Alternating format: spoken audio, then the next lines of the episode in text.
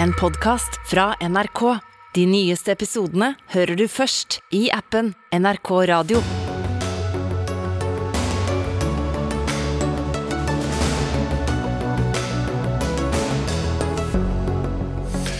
Massivt cyberangrep mot en rekke ukrainske nettsider. Det innkalles til krisetoppmøte i EU.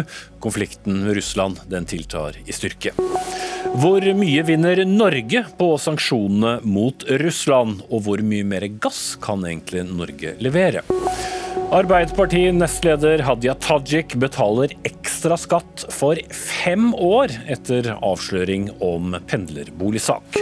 Og flertallet av folket ble ikke hørt i Innlandet. Politikerne stemte mot oppsplitting, så da blir det 15 fylker i Norge. Eller er det egentlig så sikkert? Vel, ikke hvis Senterpartiet får viljen sin.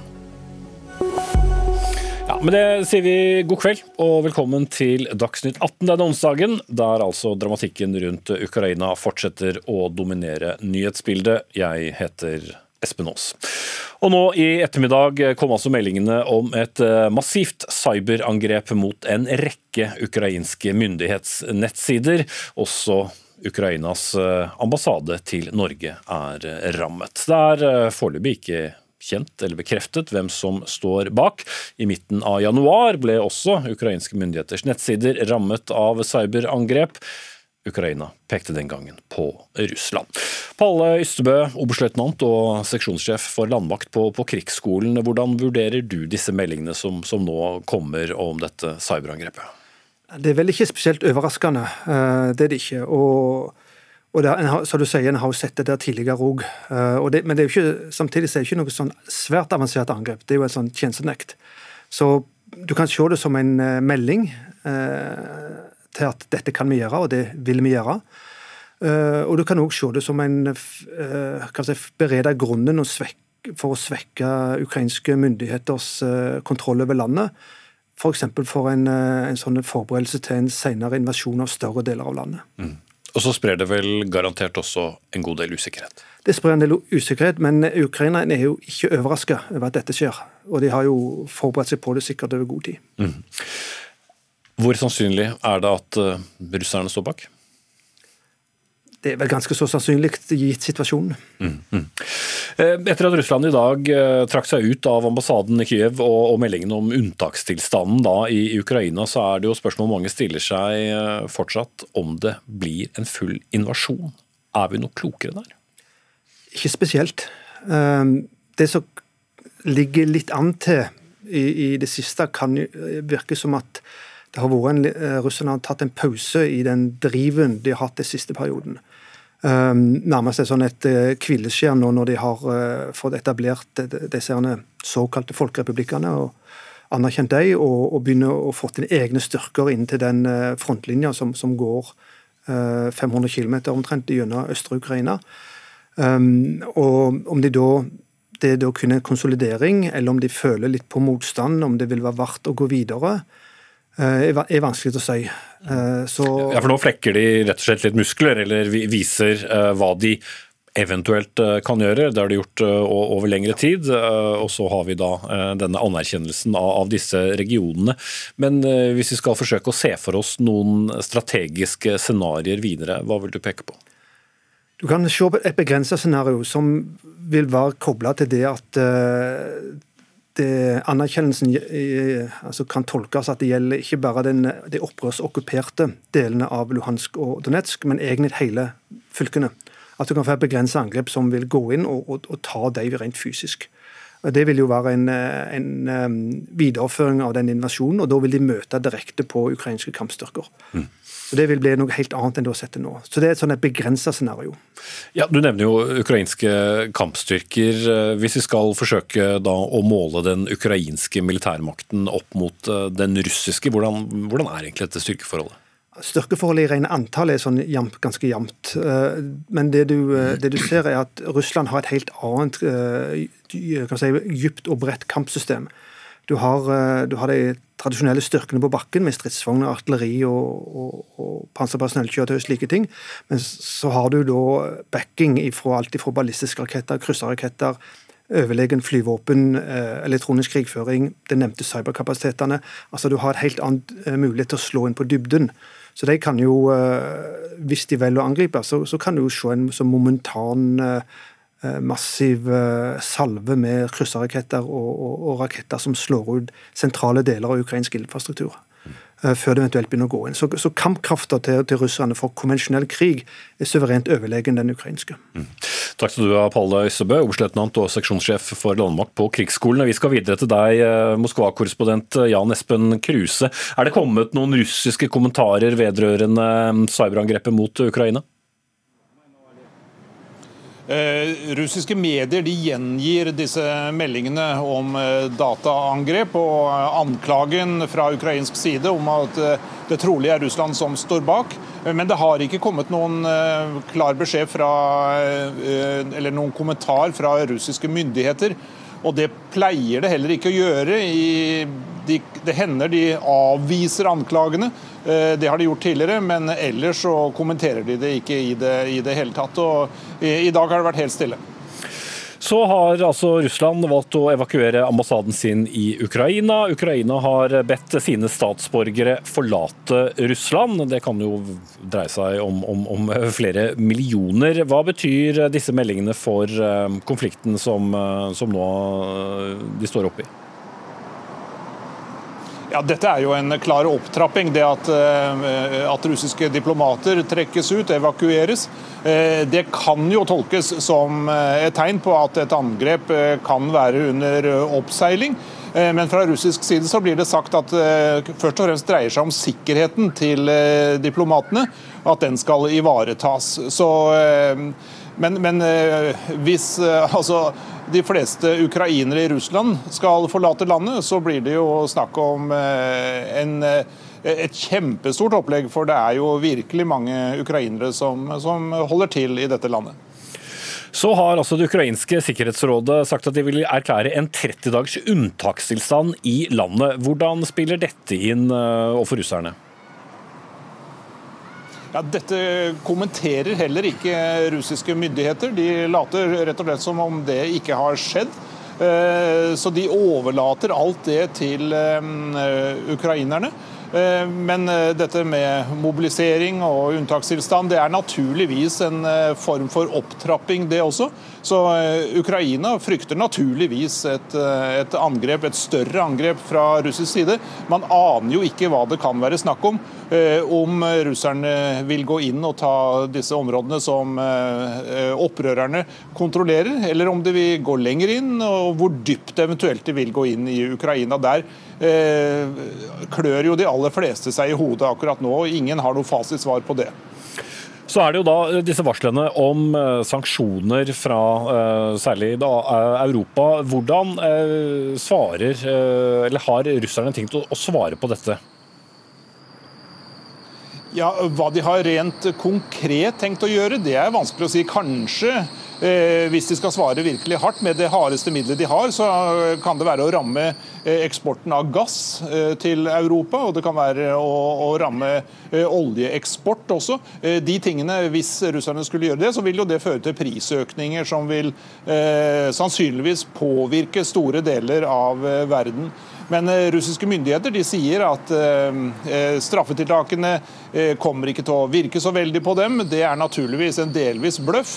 Men de sier at uansett hvilke sanksjoner som blir vedtatt, så vil ikke det føre til at Russland endrer sine politiske standpunkter, sin politikk overfor Vesten. Takk skal du ha, Jan Espen Kruse, vår korrespondent i Moskva. Og vi vil se mer til deg når vi kommer til Dagsrevyen på NRK litt senere i dag.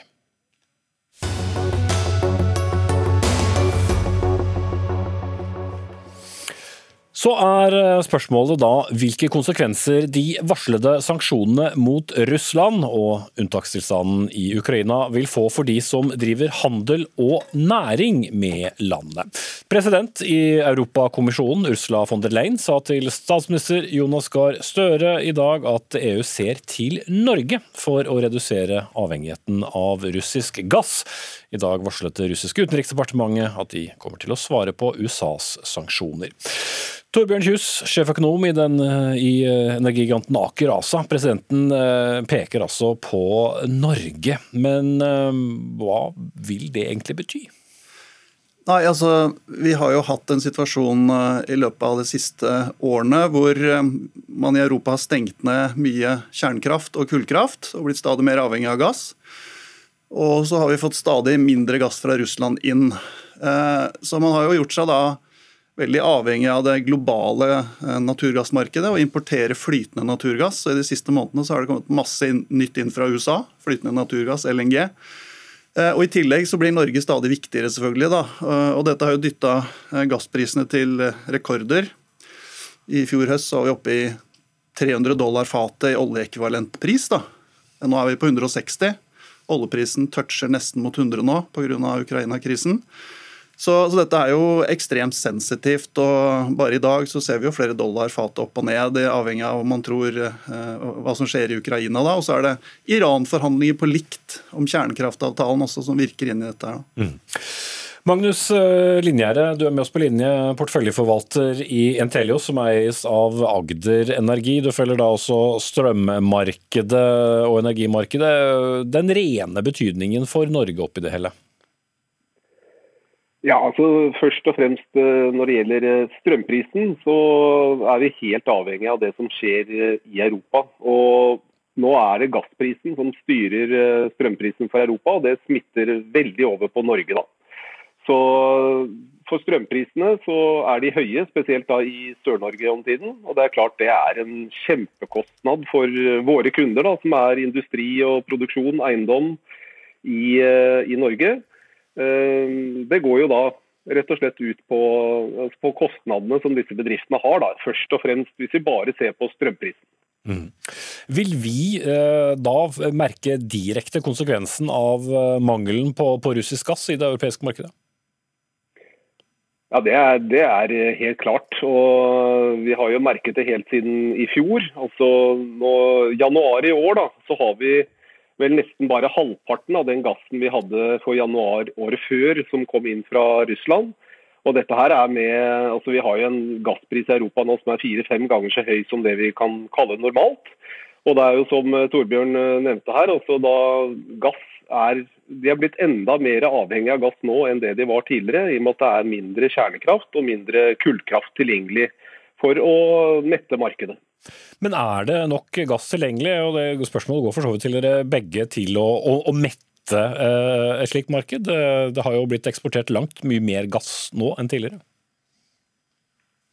Kyss? Ja, nei, altså, vi har jo um, det er jo et voksende globalt marked for å frakte gass på skip, altså LNG. Da. Så man, man kan jo hente inn eh, mer fra det internasjonale markedet, men da må man jo bydde opp da, for å, å, ta det fra Kina, som gjerne er de man bidder imot fra Europas side. Hvis du skal oversette bidde og bidde imot? Ja, eh, Da må man altså overby eh, for å, å tiltrekke seg disse volumene inn til Europa. Um, og, og, jeg vil også tro at Equinor har maksa sin gassproduksjon nå som gassprisen har vært så mye høyere enn oljepris Eh, i siste halvåret. Så det er antakelig ikke så mye mer å gå på. sånn Nei, vi, vi har snakket med de nå i ettermiddag, og i hvert fall akkurat nå så sier de at de uh, selger uh, unna det de, de, kan. De økte produksjonen da på til sammen uh, tre felt. så det er jo spørsmålet hvor, hvor mye ekstra hjelp vi egentlig kan gi. Det er, eh, det er, et godt spørsmål. for Det er også sånn at det går fortsatt eh, gass gjennom Ukraina inn til Europa. Eh, og Det kan man jo tenke seg at plutselig forsvinner. Vi snakker jeg tror det er 40 BCM eller noe sånt noe som kommer inn. Og Det kan du oversette til hva? Milliarder kubikkmeter. Det er jo veldig mye benevnelser i dette markedet. Men det er altså, du kan si Europa forbruker 500 BCM ca. på et år. Og, og 40, så la oss si det er en 8 %-ish. da som går gjennom Ukraina nå. Så Det kan jo også forsvinne nærmest over natta. det da. Mm. Så vi kan se fantasipriser nærmest på, på gass fremover? Ja, så Det som må skje da, i så fall, er det man kaller demand destruction. altså At man, man ødelegger etterspørsel, for tilbudet er ikke der. Og Da, da må man jo ha så høy pris da, at, at man stenger ned forbruk.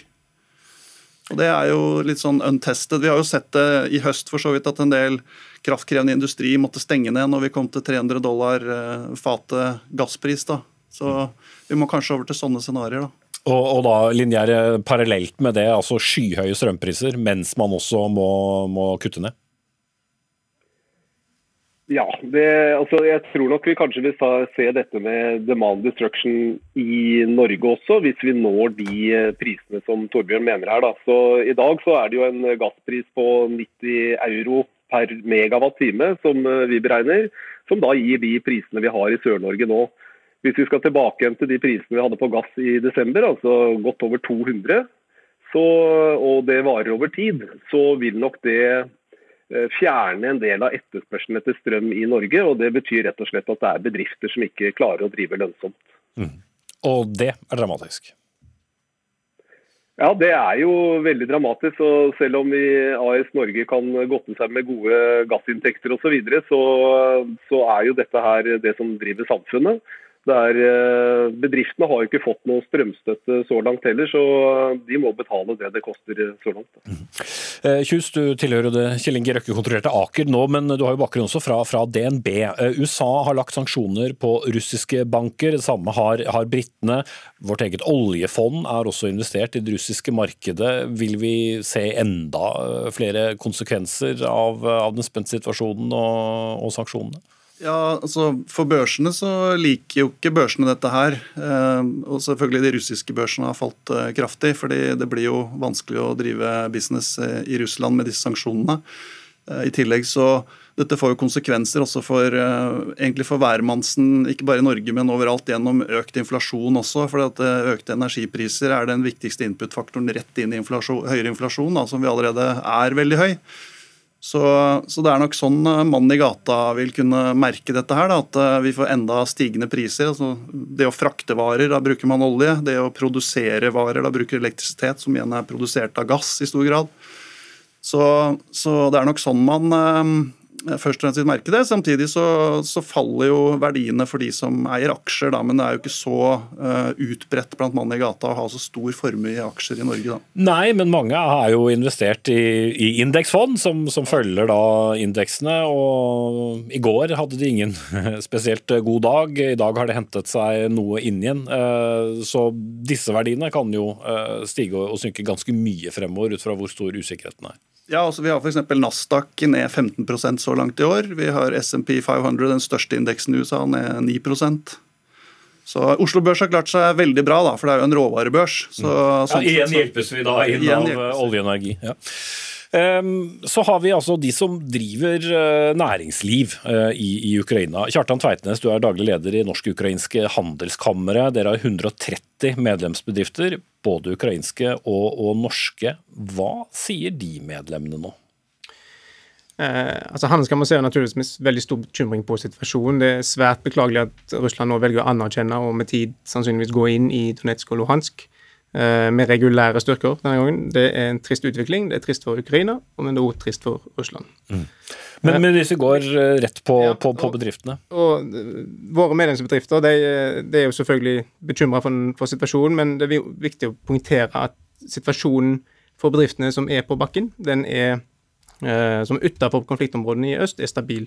Eh, og sånn som mediebildet i Norge og i Vesten generelt, så, som, så framstår det kanskje noe annerledes. Men det er også viktig å påpeke at hverdagslivet går sin gang. Folk går på jobb, eh, de leverer de tjenestene og varene de skal. Eh, det er business as usual, det er det våre medlemmer rapporterer til oss. Mm. Men, men, men det er selvfølgelig, nå? Det er nå. Og vi har også da råda og analysert situasjonen og gitt analyser på sikkerhetssituasjonen, og rådgir da om at de oppdatere beredskapsplaner i forhold til de ulike scenarioene man kan se for seg. Men kan det da være snakk om f.eks. at bedrifter vil trekke seg ut av, av Ukraina? Eh, de bedriftene vi prater med, og våre medlemsbedrifter, tar ikke opp det som, eh, som en, eh, som en mulighet. Det er snakk om veldig mye mellom ingenting og en full invasjon. Per nå så man, anser man en full invasjon som relativt lav sannsynlighet. Eh, og, men å ha beredskapspunkter på de ulike scenarioene er veldig viktig for, eh, for medlemmene. Mm. Hva slags type bedrifter er det det er snakk om som, eh, som er da norske bedrifter i Ukraina? Det er alt fra selskaper som har fast infrastruktur i Ukraina, det er energiselskaper, det er sjømannsselskaper, det er som har butikker. Det er jo IT-selskaper som det har forskjellige utfordringer. En, IT-bedrift kan ha en person som har en laptop og tar den med seg eh, og flytte vestover, mens andre har større utfordringer når de da har fast infrastruktur. Mm. Da vi snakket med deg eh, tidligere i dag, eh, Kjartan Tveitnes i det norske-ukrainske handelskammeret, så nevnte du at på sikt så kan faktisk Ukraina styrke seg på denne situasjonen på litt lengre sikt. Hva handler det om? På kort sikt er jo selvfølgelig dette, den konflikten svært skadelig for, for, alle parter. Men på lang sikt så mener vi at dette sementerer den retningen som Ukraina har valgt. Det har vært to folkelige revolusjoner i 2004 og 2014 der eh, det ukrainske folk gikk til gatene og ønsket en europeisk eh, integrering, eh, eller orientering, og Putin kan ikke endre det med å line opp tanks og kuler og krutt på grensa. Folket har vist hva de ønsker. Det er 42 millioner mennesker, det er Europas største land utenfor, utenom Russland. Den, den retningen som Ukraina har tatt, Ukraina er på rett side av historien her, det er ikke Russland. Det var din uh, analyse i, i alle fall. Kjartan Tveitnes, daglig leder i Norsk-ukrainske handelskammeret. Takk også til Torbjørn Kjus, sjeføkonom i Aker, og med oss på linje Magnus Linjære, porteføljeforvalter i Entelios. Og så skal vi uh, skifte lokalisering til London. For Storbritannias statsminister Boris Johnson fikk i dag kritikk i Underhuset for ikke å gå kraftig nok til verks med landets sanksjoner mot Russland. I går ble det kjent at landet innfører sanksjoner mot fem russiske banker. Og London-korrespondent Gry Blekastad Almås, uh, hvor langt er det kritikerne mener statsministeren og regjeringen burde gått? Ja, Det har de ikke presisert, men de mener helt definitivt at han burde ha gått eh, lenger enn disse fem relativt sett ubetydelige bankene og tre enkeltindivider som nå har fått sine midler i Storbritannia frost ned, og også reiseforbud eh, innført. Eh, men selv om det da er enighet om prinsippet om sanksjoner, så vil jo veldig mange fra flere forskjellige partier, også Boris Johnsons eget, at man burde ha gått lenger og rammet mye hardere og gått virkelig kraftig kraftig ut. Argumentet til Boris Johnson foreløpig er at dette er en første runde, og at man må spare på kruttet til senere. Og I ettermiddag så har han eh, ifølge Reuters sagt til representanter fra finanssektoren at neste runde med sanksjoner, da skal man komme med de aller tøffest mulige eh, sanksjonene mot Russland. Mm. Eh, Storbritannia og, Russland har jo gjennom mange år hatt et veldig anstrengt forhold, og det har vært, eh, vært flere sanksjoner både mot enkeltpersoner og, og, og, banker. Eh, men hvor store muligheter har egentlig Johnson for å, for å utvide spekteret av, av, sanksjoner? For mye russiske penger er jo godt vevd inn både på britiske børser og uh, britisk næringsliv. Ja, og Det er jo finansmarkedet uh, man først og fremst uh, kan ramme. og Man kan jo selvfølgelig både målrette mot flere enkeltindivider og, flere og større banker og selskaper uh, osv. Det er som du sier veldig sånn innvevd i systemet her. Det er beregninger som viser at den russiske elite eier eiendommer i Storbritannia verdt 1,5 milliard britiske pund.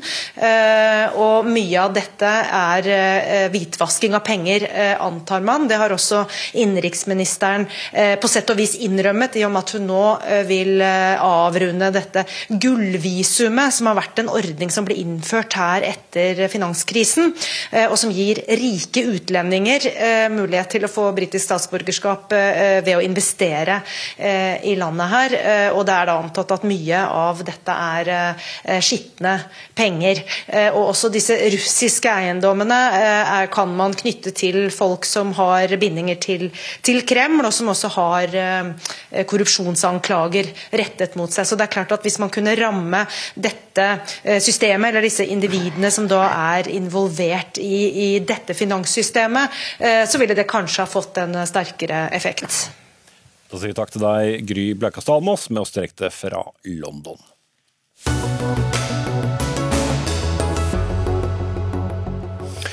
Norge skal fortsette samarbeidet med det russiske folk, til tross for fordømmelsene av Russlands handlinger i Ukraina. Ja, det sa utenriksminister Anniken Huitfeldt under, under, den årlige Kirkenes-konferansen i dag.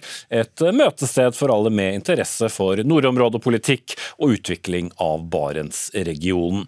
En konferanse som jo ble noe annerledes i år enn tidligere reporter Frode Børfjord, Russlands utenriksminister statsminister skulle bl.a. vært til stede, men avlyste. I stedet kom den russiske ambassadøren til Norge og ja, leste opp talen som Lavrov skulle holde. Hva, hva inneholdt den?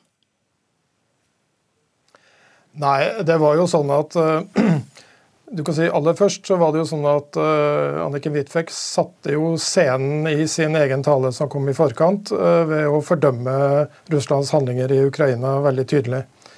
Uh, slik at Ukraina ble jo brakt inn i konferansen veldig raskt. Så var det jo sånn at Lavrov kom ikke. Det var vel egentlig ikke en tale, det var en ganske kort brev som ble lest opp av Russlands ambassadør til Norge. Og det var egentlig ganske fullt av sånne høflighetsfraser. Slik at det hadde ikke noe Det var ikke noe viktig budskap der annet enn det man allerede vet, nemlig at Russland og Norge har hatt et godt uh, samarbeid i Barents region, og at man ønska å videreføre det. Du var jo da som jeg sier, til stede på, på den konferansen. Hvordan, hvordan, preget eh, den veldig alvorlige situasjonen eh, konferansen? Nei, altså det, det, var egentlig en ganske sånn eh, pen og pyntelig forestilling. Det var jo slik at den russiske ambassadøren, Teimuras Ramishvili, ble jo intervjua etter at han hadde lest opp dette brevet fra scenen. Eh, hvor han egentlig da eh, fortsatte eh, veldig tydelig å liksom berømme det samarbeidet som Norge og Russland har hatt i Barentsregionen. Mm. Så fikk vi et intervju med han etter det igjen, og da var han litt tydeligere på at det var det var ikke greit at det skulle være en stor Nato-øvelse i Norge akkurat nå. Og det var eh, Han ble liksom eh, litt spissere underveis i det intervjuet. Eh, hvor han på en måte var tydelig på at det å samarbeide med Norge og ha norske øvelser osv., det var helt greit. Mm. Han var nesten ikke innom og ville ikke svare på situasjonen rundt Ukraina. Og Litt senere så ble det litt mer sånn eksplosivt på scenen, hvor han avslutta et innlegg senere Eh, med rett og slett å si at dette var eh, Russerne var ikke velkommen eh, på denne konferansen. Han skjønte egentlig ikke hvorfor man var invitert. Og gikk litt i sånn protest av scenen og sa at dette hadde vært forferdelige greier. Videre til deg, Arne O. Holm. Du er redaktør i avisen High North News ved, ved Nord eh, universitet. Eh, I hvor stor grad kan man si at situasjonen da i nord har endret seg etter at konflikten har eh, tilspisset seg? For Én ting er nå storpolitikk, noe ganske annet er forholdet som er fra folk til folk, som vi gjerne sier. Har man merket noen endring der? Jeg vil vel ikke påstå at man har merka så stor endring i løpet av de siste, det siste som har skjedd. Men, øh, men den endringa har jo gått over tid. Og det er klart at det folk-til-folk-samarbeidet som har vært der, det har jo lidd under sanksjoner og det har lidd under en, en pandemi. Så er det jo noe ganske unikt med at vi som bor her oppe, og de som nå har vært til stede på Kirkeneskonferansen, får, får et innblikk i den konflikten som, som, de fleste bare har et forhold til gjennom nyhetsmediet. Og det var det som ble beskrevet her, et møte mellom den norske utenriksminister og den, den russiske, um, russiske, ambassadøren. Dette er jo et, et, forhold som du også påpeker, Arne Holm, som, som, som, i over tid har fått noen uh, prøvelser, ikke minst den siste tiden. Nå snakkes det om ytterligere eh, sanksjoner. Eh, hvordan eh, kan det påvirke naboforholdet ytterligere? Nei, det, det, vil jo bare forsterke. fordi det har jo vært en eh, skal vi kalle det et savn. Og, og, og veldig mye av Kirkenes og veldig mye av Øst-Finnmark er jo avhengig av bl.a. et økonomisk samkvem med Russland. Norge har veldig lenge ligget på et slags hardere sanksjonslinje eh, når det gjelder hva norske bedrifter har tort å gjøre eller kunne gjøre i, uh, i Russland. Eh, og det, det, vil jo bare forsterkes av, av, av den situasjonen som, som har oppstått nå. Men eh, det er vel også en, en, eh, en, forståelse, vil jeg tro, blant mange der, selv om man er bekymret for, for forholdet, folk imellom, at det også må være reaksjoner overfor Russland? Ja, det, det, er stor forståelse for det, og, og, og, man er ikke uenig i det. Men, men, men det vi ser nå, er jo paradoksalt nok at uh, de sanksjonene som ble innført i 2014, som jo hadde som mål å, å tvinge Russland til et slags bedre forhold til Vesten, de har jo det svaret vi får nå med det som skjer i Ukraina, gir jo veldig liten grunn til optimisme og til tro på at sanksjonene kommer til å virke denne gangen også. Så, så det næringssamarbeidet og det folk-til-folk-samarbeidet som, som vi har her oppe, og som er en del av hverdagen akkurat der jeg sitter nå i Kirkenes, det, det, er det lite som tyder på kommer til å blomstre. Men fortsatt er jo, og det viser jo også denne konferansen, det har vært en møteplass. Ja, den russiske ambassadøren var irritert og gikk. Eh, det skjedde også i 2015, da Børge Brende var utenriksminister og holdt et voldsomt oppgjør med Russland. Også den gangen var det konflikt, så vi står jo litt i den samme situasjonen. Men folkene på hver side av grensen er iallfall og blir de samme. Takk skal du ha, Arne O. Holm, redaktør i avisen High North News.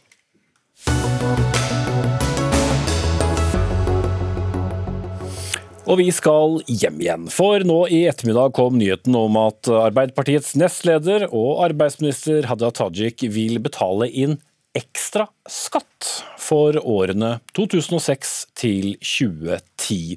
Og dette kommer i kjølvannet av avsløringen i avisen VG på søndag om at hun leverte en kontrakt på en ubrukt leiebolig på hjemstedet, slik at hun fikk en skattefri pendlerbolig da hun begynte som rådgiver i 2006. Vi har eh, møtt Tajik nå i ettermiddag, og hun eh, sier dette. Jeg ønsker å være etterrettelig i eh, alt jeg gjør. Og det at jeg eh, nå ikke kan eh, dokumentere i dag de utgiftene som jeg hadde i heimfylket mitt i 2006, det er et ansvar jeg må ta helt sjøl.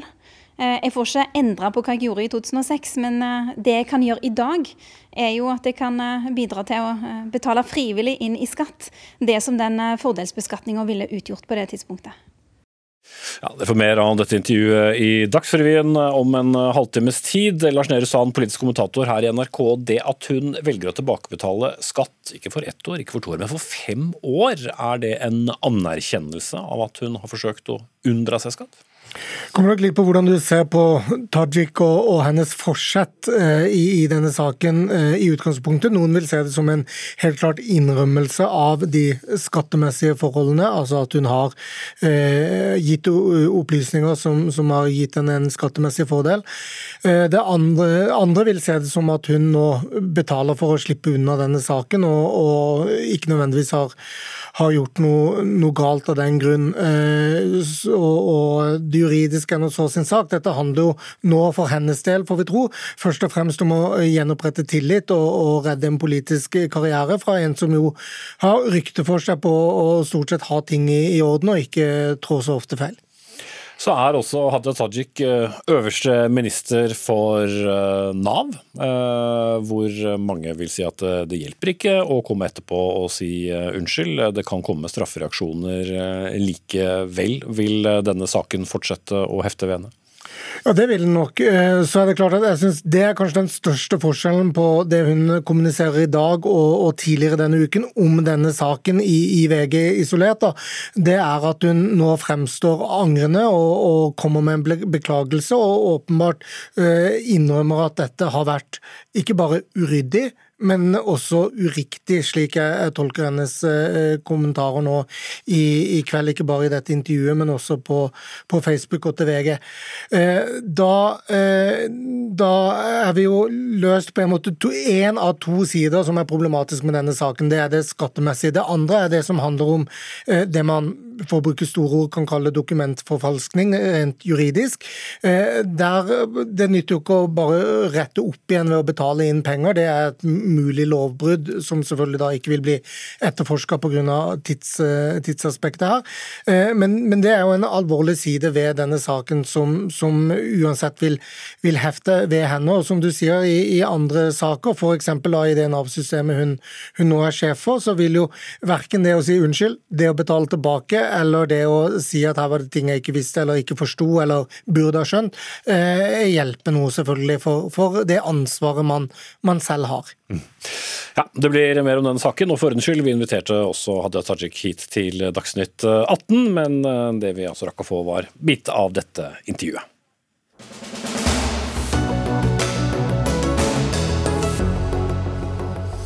Litt eh, senere i sendingen, du har sikkert sett eh, kampanjen der dyrevernere krever fjerning av det de kaller for turbokyllinger fra butikkene. Hva dette handler om skal vi diskutere om litt, men eh, du kjenner kanskje grensen eh, til, mellom Norge og utlandet, men ville du kalt, eh, klart å tegne fylkesgrensene i Norge? Det tror jeg de færreste ville klart, særlig etter hvert som de blir stadig mer uklare. Men nå, eh, mens vi har vært på sending, er det i blitt klart at Viken skal opplyses. Tidligere, oppløses. Tidligere i dag ble det klart at Innlandet likevel ikke skal oppløses, selv om altså en, eh, innbyggerne i en folkeavstemning hadde et flertall for dette. 34 fylkestingsrepresentanter stemte nemlig for å beholde det omstridte fylket, 23 stemte imot. Og dermed består dette, av, dette landet unnskyld, av 15 fylker fremover. Eh, Troms og Finnmark er tidligere avgjort at skal splittes sammen med Vestfold og Telemark. Men hva skjer med Vestland? Det skal vi spørre om om litt. Men la oss eh, henge ved Innlandet nå. Truls eh, Gilemoen, du er FrPs eh, gruppeleder i fylkestinget i Innlandet.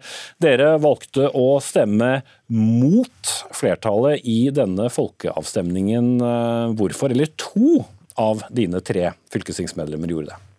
Ja, For oss i Fremskrittspartiet så har dette her vært en veldig vanskelig sak. Vi ønsker jo verken Hedmark, Oppland eller Innlandet. Vi ønsker å legge ned hele fylkeskommunen og overføre oppgaven til eh, stat Eh, og kommune. Men Det fikk dere ikke stemme over, men dere stemte da, eller i hvert fall du og en til stemte da for å beholde Innlandet, som altså et flertall av eh, de meningsmålingene ikke ønsket. Ja, Vi har sett litt annerledes på det, for det, det var stor forskjell på den fylkesvise inndelinga.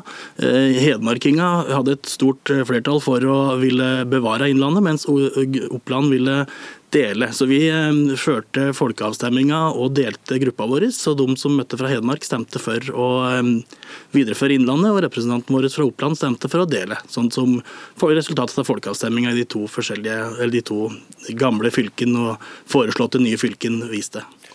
Ja, Det var jo snedig, i og med at i hvert fall du selv var imot å forholde deg til de gamle fylkesgrensene, men eh, dere valgte da å dele Innlandet i, i to fylker når det gjaldt hvordan de hadde stemt i folkeavstemningen? Det var veldig stor forskjell på resultatet i de folkeavstemningene. Ehm, og det var eh, vanskelig for oss å ikke lytte til de forskjellige meningene som var i de forskjellige delene av fylket. Eh, det ville jo blitt en tvangsoppretting av et nytt fylke hvis vi skulle påtvinge hedmarkinga et eh, nytt fylke, som de jo har vært helt tydelige på at de ikke vil ha.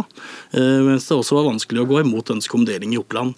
Eh, så for oss som ikke ønsker fylket i utgangspunktet, så var det helt naturlig å lytte til folkemeninga i de to, to eh, distrikta, valgdistrikta.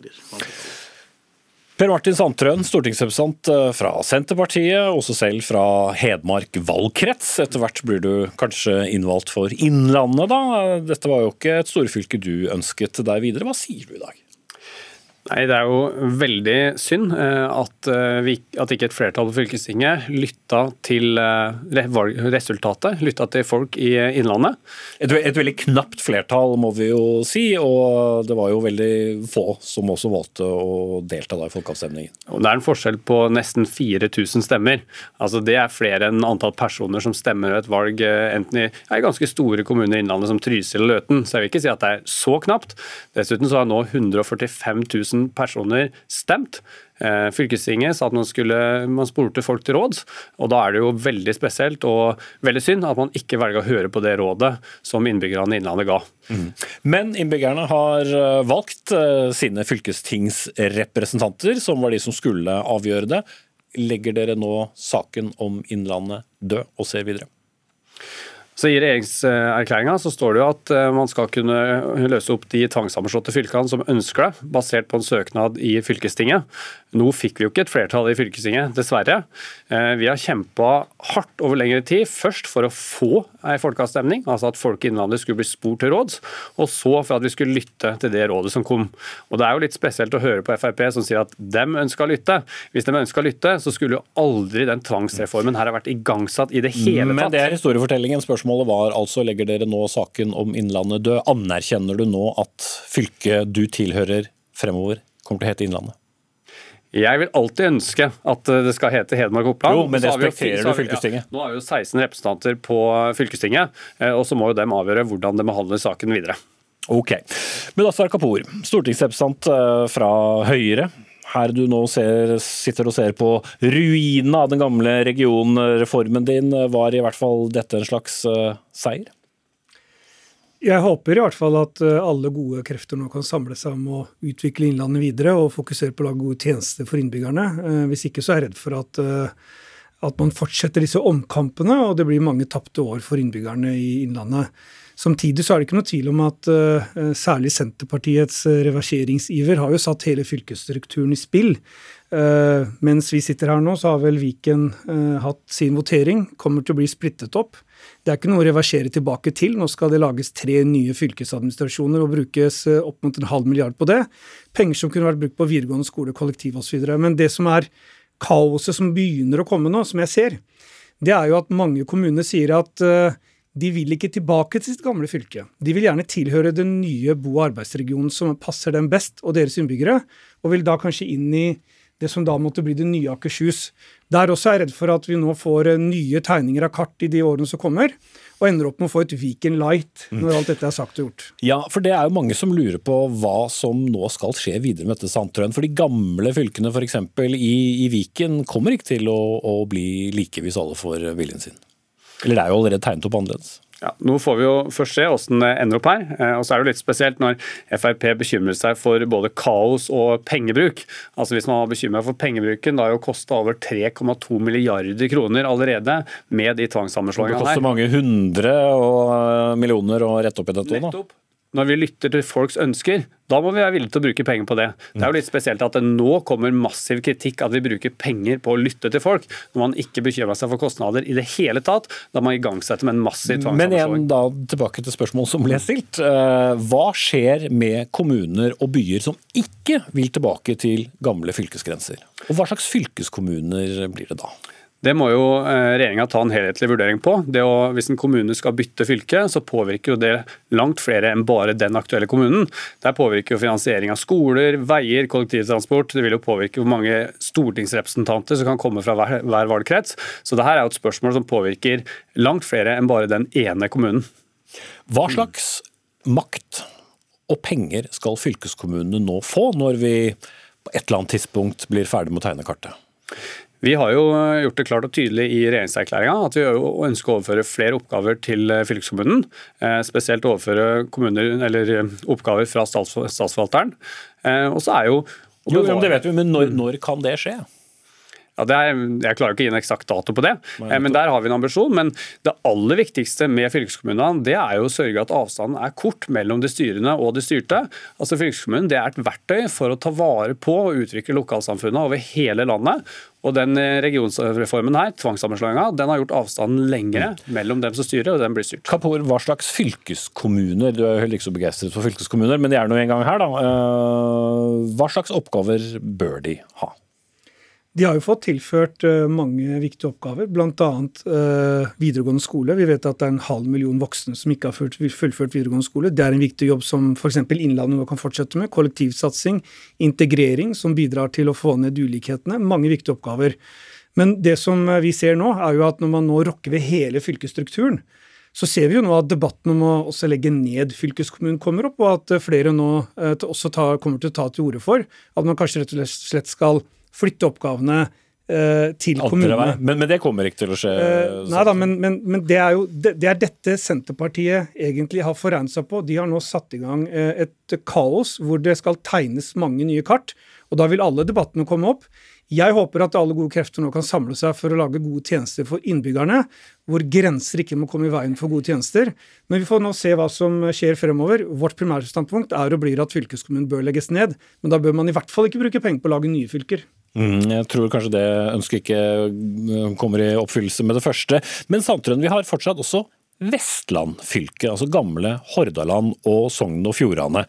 Sistnevnte fylke viser meningsmålinger at stadig flere er begeistret for, for storfylket, men eh, i Senterpartiet så vil dere også gjerne ha Sogn og Fjordane ut. Hva slags maktmidler har dere der? Så jeg skjønner jo godt at mange i Sogn og Fjordane ønsker å få tilbake fylket sitt. For det var et veldig veldrevet fylke. Gode skoleresultater, veldig mye fungerte Men som sagt så viser mange målinger at de er mye mer fornøyd med dagens eh, Viken. Jo, men målinger viser vel også at det er veldig mange som vil ha tilbake Sogn og Fjordane som fylke. Um, og så har vi jo i regjeringserklæringa at uh, det kreves jo en søknad fra fylkestinget. Og så får vi se hvordan den prosessen går. Uh, men jeg heier jo på alle dem som ønsker å, uh, å, få sagt sin mening og få tilbake fylket sitt. Og få omgjort på det tvangsvedtaket som kom fra Høyre. Kapur. Jeg må bare si at jeg registrerer med en viss bekymring at det eneste min motdebattant snakker om, det er grensejusteringer og reverseringer. Jeg har ikke hørt deg si ett eneste ord om hva du vil gjøre for at flere skal fullføre videregående skole, hvordan vi skal gjøre noe med ulikhetene, skape flere jobber, for det er jo det vi politikere skal gjøre. Det kan jo være fordi at dere ble invitert for at vi skulle diskutere nettopp uh, fylkesgrenser. Folkevalgte i fylkene har det som jobb, de også. Truls Gillemoen, du skal da fortsette som FrPs gruppeleder uh, i Innlandet. Hva gjør dere nå med det bestående uh, fylket? Hva, hva, hvor mye makt bør en fylkeskommune, som du for så vidt er imot, ha? Nei, nå er jeg først og fremst sjeleglad for at vi er ferdig med denne prosessen og kan begynne å prate om eh, det som betyr noe. Om, eh, vi har 7000 km fylkesvei i Innlandet som er, som eh, er, i en elendig forfatning. Vi har eh, altfor mange byråkrater som, i fylkeskommunen som vi vil redusere. Det er ikke noe mangel på oppgaver i fylkeskommunen. Vi vil heller fjerne oppgaver enn å tilføre nye. Så det her er jo, en, det er jo å drive fylkeskommune med kunstig åndedrett og skulle tilføre stadig nye oppgaver som først Først må vi få løst de oppgavene som fylkeskommunen har. Og det er mer enn nok uløste oppgaver i fylka til at det vi skal trenge å bekymre oss for å tilføre nye. Eh, nå får vi løse de oppgavene vi har, og så mm, heller se hva vi kan eh, la kommunene eh, løse med lokalt selvstyre, i stedet for å drive med et sånn overformynderi fra fylkeskommunenivået. Ok. Lars Nehru Sand, politisk kommentator. Et Arbeiderparti på kollisjonskurs med Senterpartiet Innlandet, gnisninger i Viken. Hvordan påvirker alle disse omkampene partiene seg imellom? Regionalt så er det klart at eh, det er nok eh, noen tillitsforhold som, som må leges, ikke minst i, i, Innlandet, hvor du jo har denne folkeavstemningen som, som utgangspunkt for, for, debatten i fylkestinget i dag, og hvor Arbeiderpartiet og Senterpartiet resonnerer ganske ulikt, eh, i hvert fall sånn som de stemmer. Men så legger vi merke til Vedum i dag tidlig på Politisk kvarter, som ikke akkurat spiller opp til at dette skal få de store nasjonale eh, debattene i overført betydning om regjeringssamarbeid og annet samarbeid disse to partiene imellom. Eh, så, så det virker som om Senterpartiet er fornøyd med de gjennomslagene de har fått. Det var jo hele tiden Viken og Troms og Finnmark som, som var viktigst for Senterpartiet å få gjort noe med. Det har de klart. Og, og så får de da uh, Vestfold og Telemark eh, på kjøpet, holdt jeg på å si, men, men ikke Innlandet. Ble denne reverseringen av regionreformen en litt større sak enn regjeringen så for seg? Det kan meget vel være, ikke minst fordi at uh, dette er en sak som, som, det er lett å snakke om at man er imot det Solberg-regjeringen gjør, og så er det litt mer kronglete å skulle ha akkurat de samme menneskene med deg på å si at nå skal vi forlenge hele strukturdebattperioden. Vi skal ha enda mer omorganisering, ting skal være enda mer i spill. Eh, så det, det, er en, det, er en, vanskeligere prosess å være for å skulle endre en gang til, enn å være mot den opprinnelige endringen. Det kan man selvfølgelig få regnet seg på. Det andre er jo at jeg tror fremover nå så kommer den vanskelige delen av denne reverseringsprosessen. Med dagens inndelingslov har vi aldri hatt noen skilsmisser, verken på kommunalt eller fylkeskommunalt nivå i Norge. Eh, så både juridisk, økonomisk, administrativt så er det nå ekstremt mye nybrottsarbeid som skal gjøres i de fylkene og eventuelt den kommunen som velger å, å skille seg på, på Vedums vakt, for å si det på den måten. Og, eh, og, det tror jeg blir prosesser som ikke nødvendigvis bidrar til bare eh, hurraoppslag i lokalaviser eh, landet rundt. Agder og Trøndelag består, men vi var innom Vestland. Hva slags eh, debatt kan komme der om en eventuell eh, splittelse, og, hvor enkelt er det? Det er litt annerledes enn de andre fylkene som nå har hatt denne prosessen, rett og slett fordi selv ikke Senterpartiet i regjering definerer Vestland som et tvangsekteskap, eh, rett og slett fordi begge fylkestingene i gamle Hordaland og Sogn og Fjordane hadde et positivt vedtak. I Sogn og Fjordane så hadde man et viktig men i sitt ja og det var at det skulle komme mer oppgaver til nye Vestland. Det kan man alltids uh, si nå, at det mennet er ikke oppfylt, og da gjelder ikke det ja-et fra uh, Sogn og Fjordane. Men uh, Sogn og Fjordane kan, som, eller Vestland kan, som et hvilket som helst fylke når som helst, be om en, en skilsmisse eller et giftermål, men det må da skje på en annen måte enn det hurtigløpet regjeringen har satt i gang nå, med økonomiske lovnader. Og Derfor er det nok en litt større bøyg å skulle skille Vestland enn det har vært å prøve på det samme i, i, i Innlandet f.eks. Hva har fylkeskommunen gjort for deg? Hadde du stilt et spørsmål til en vanlig borger, hadde han kanskje flakket med blikket, men etter denne voldsomme runden som har vært rundt fylkeskommunene, ser vi nå det som et forvaltningsnivå som kommer til å bli viktigere enn før? Det kommer helt an på hva regjeringen gjør med oppgavefordelingen. Det har vist seg vanskelig å eh, flytte oppgaver ned fra staten til eh, fylkeskommunene, ikke minst fra alle de statlige eh, direktoratene og etatene, eller underliggende etatene som regjeringen har makt over. Men, men de har jo nettopp det, muligheten til å, å gjøre det. Og, men jeg tror nok, som Kapur er inne på, at det som nå skjer, er at vi får nye strukturdebatter om fylkesnivåets eksistens, og ikke minst minst om alle kommunene som skal eh, bytte, eh, eller ønske å bytte eh, fylke. Og Vi så allerede i fylkesdebattene i Viken og Innlandet i dag at Hadelandsregionen har fått, fått spørsmål fra, fra begge steder om at det er mest naturlig at de havner der. Regionreformen som bare gir og gir. Sendetid i Dagsnytt 18. Lars Nehru Sand, politisk kommentator i NRK, Mudassar Kapur, stortingsrepresentant fra Høyre, Per Martin Sandtrøen, stortingsrepresentant fra Senterpartiet, og Truls Gillemoen, fylkesleder fra Innlandet Frp. Takk skal dere alle ha.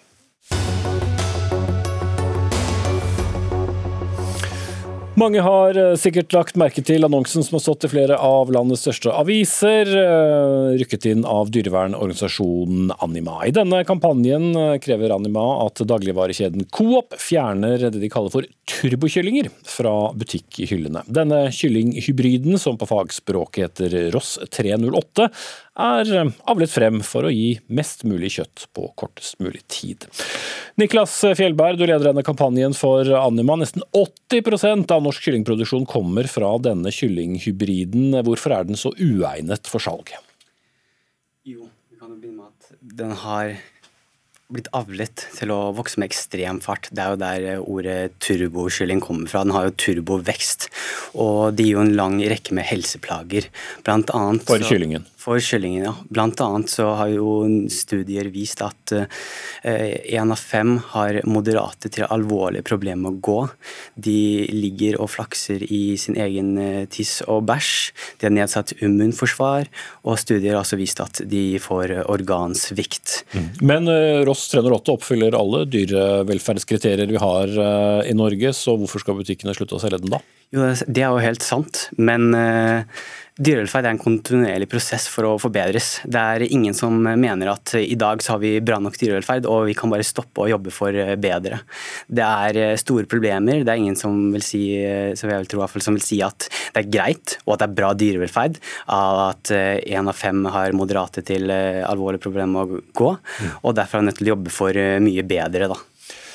Kampanjen deres retter seg mot Coop om at de skal slutte å selge denne kyllingen. Coop de ønsket ikke å stille her, og mener at dere har feil adressat eh, for denne kampanjen. Men eh, i studio har vi deg, Ola Nafstad, fagdirektør for husdyrproduksjon, bærekraft og dyrevelferd i Animalia. Vi må holde orden på navnene her. og Dere kaller dere da for kjøttbransjens forsknings- og kompetansesenter.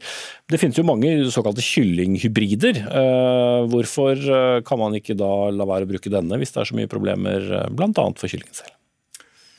Ja, Det er jo beskrivelsen her av at det er så mye problemer som er i utgangspunktet feil. Dyrevelferden i norsk kyllingproduksjon er veldig god sammenligna med kyllingproduksjon alle andre steder i verden. Også for oss 308? Også for oss 308.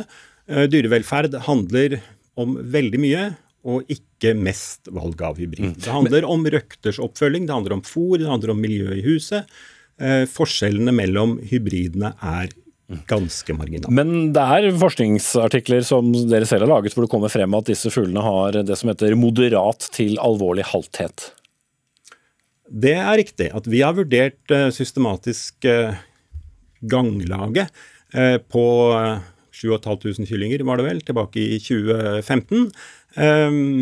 Og det Anima formidler, er jo at ni av ti går dårlig. og Det var jo ikke det Niklas sa her, og det er jeg glad for. Eh, og Der vurderes det jo langs en skala. og Den som går som en eh, lineal eller ei lett verpehøne, den får null. Og den som ikke kan gå i det hele tatt, eh, får uh, fem. Men, men antyder ikke det da, bare for, du kan få fullføre i neste svar, men forteller ikke det også en historie da om at kyllingen ville gått lettere hvis den ikke hadde vokst seg så stor så fort? Det er riktig. At en lettere kropp går lettere for en kylling, som for mennesker. Eh, men eh, det er en veldig liten del av kyllingene som har et ganglag som eh, er et velferdsmessig problem for dem. Og de som, har et så, eller de som ikke kan gå, blir avliva, og det blir gjort som en del av røkterens arbeid med dyrevelferd. Og det inngår i tapstallet, og det er fortsatt veldig lavt. Det laveste i verden. Fjellberg.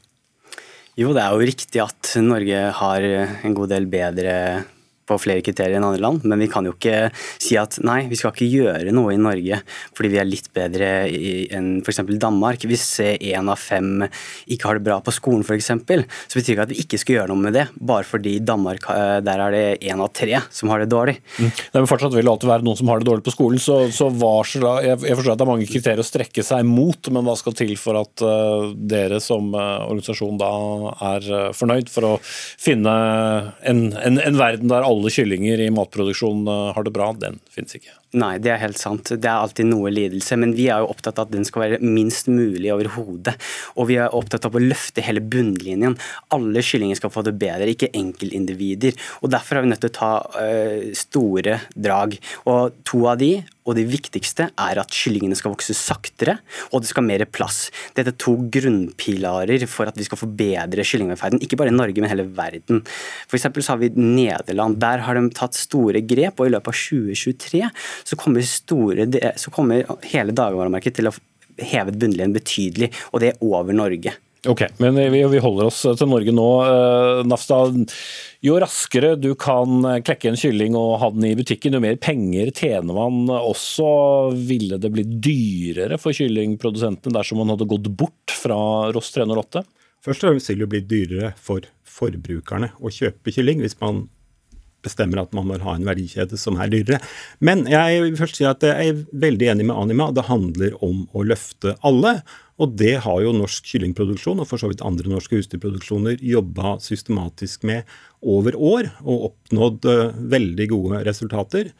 Uh, helsa er bedre, dødeligheten er lavere. Uh, sår på beina, som, som Anima også har omtalt men, men, men som veldig omfattende, ja, for, ned. forbrukerne, eh, når de da går og handler, er det da næringsinteresser som trumfer eh, dyrevelferd, hvis da hurtigheten eh, fra utklekking til, til salg er det som er viktig? Forbrukere er selvfølgelig forskjellige. Selvfølgelig er vi forskjellige som forbrukere, og noen vil være opptatt av dyrevelferd, og mange vil være opptatt av pris. Og så er jo dette ikke bare et spørsmål om pris, men når fôrforbruket øker, så har jo det også en ressursmessig side. Eh, som er knytta til bærekraft og utslipp per kilo mm. produsert kylling. Så det er et stort kompleks som man må ha et, eh, en helhetlig inngang Du må svare veldig kort til slutt, Niklas Fjellberg fra Anima. Men eh, hvordan vet du at ikke dyrevelferden likevel kunne blitt dårligere dersom man tar ut en hel type kylling fra markedet? Det er helt klart at den kan bli dårligere. Det er som Bonden kan jo gjøre en veldig dårlig jobb, men i grunn så kan han ikke jobbe gjøre noe bedre mm, enn med det han har. Da. Så der er ja, der, må, er, der, er, det genetikken og turbuslingen som må bort. Ok, jeg må avslutte der. Ansvarlig for sendingen Anne Katrine Førli. Mariann Myrhol hadde ansvaret for det tekniske, og jeg heter Espen Aas. Gjensyn i morgen.